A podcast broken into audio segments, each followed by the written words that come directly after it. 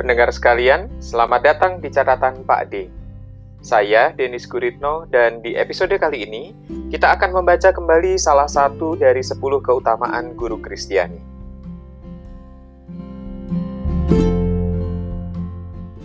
Pada episode sebelumnya kita sudah mendengarkan topik kelima sense of belonging.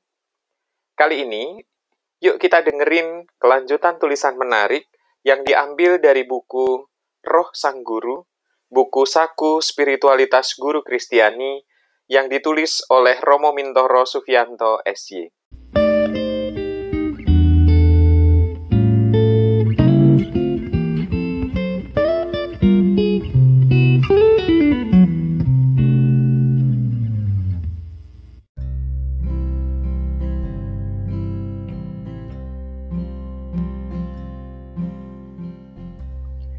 Topik keenam adalah melayani dengan rendah hati.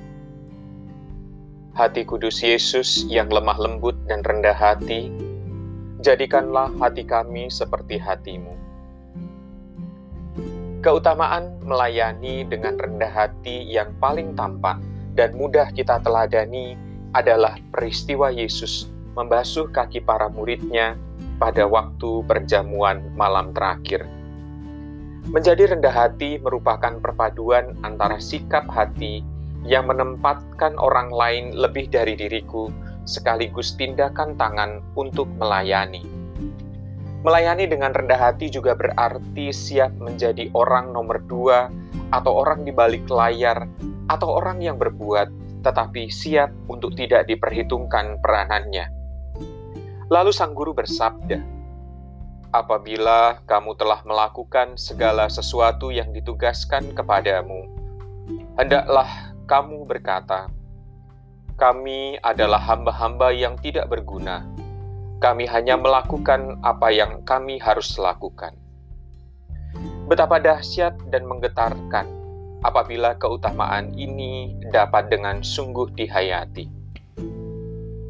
Sayangnya, di zaman ini yang terjadi adalah sebaliknya Orang berlomba-lomba ingin tampil di depan, tebar pesona, ataupun sering mengobrol janji ke mana-mana. Bukannya melayani, orang-orang seperti ini ingin dilayani. Bukannya kerendahan hati yang ada, melainkan kesombongan.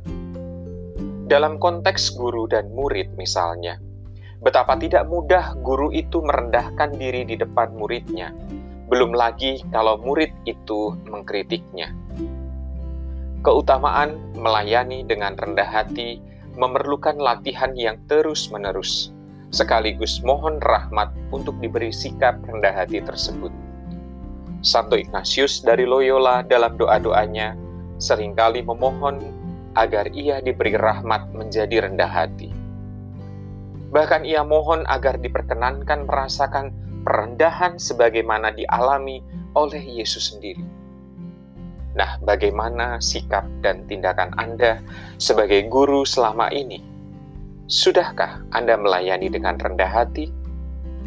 Apa saja pergulatan yang Anda alami, dan bagaimana Anda berjuang untuk dapat menjadi semakin rendah hati?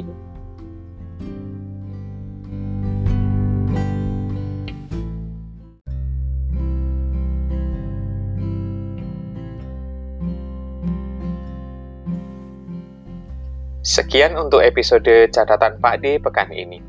Pastikan nggak ketinggalan episode berikutnya. Stay tune everyone. Salam pendidikan.